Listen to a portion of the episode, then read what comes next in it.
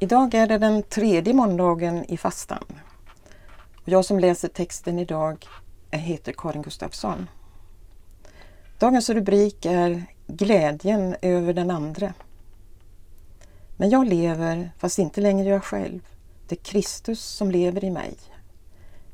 Galaterbrevet kapitel 2, vers 20. Varje fastedag är en påminnelse om varför vi lever. Hela vårt liv är en vandring mot den förening som Jesus ber om för oss. Att liksom du, Fader, är i mig och jag i dig, också det ska vara i oss.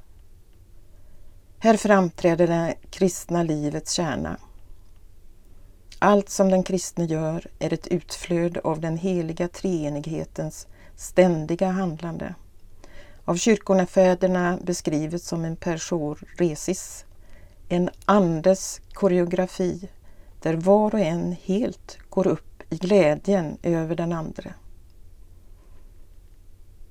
Denna förening är inget som uppnås genom en viss andlig teknik.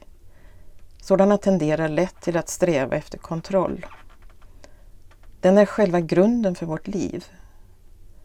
Den som anat något av dess verklighet kan säga med skomakaren Jakob Böhme. Jag har ingenting, jag kan ingenting, jag är ingenting. Här är varken fråga om ironi eller att trampa på sig själv, den falska ödmjukhetens anlete. Men insikten att allt är nåd, den hemliga förvissningen, nu lever inte längre jag, det är Kristus som lever i mig, får oss att dölja våra handlingar. Inte av blygsamhet utan av tacksamhet.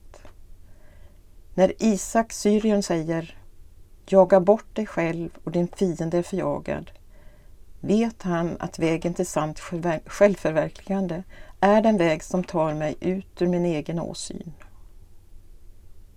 och därmed bort från ansträngningen till den allt större bekymmerslösheten. Men vägen dit går via korset. Den djupgående rening som är nödvändig om vi ska nå fram till vårt innersta, vår innersta identitet som Guds avbild och leva utifrån den. Den som vill rädda sitt liv ska mista det, men den som mister sitt liv för min skull, han ska rädda det. Jesu ord är ett löfte om det som inte duger kan brytas ned så att treenighetens grundmönster, du i mig och jag i dig, får prägla allt.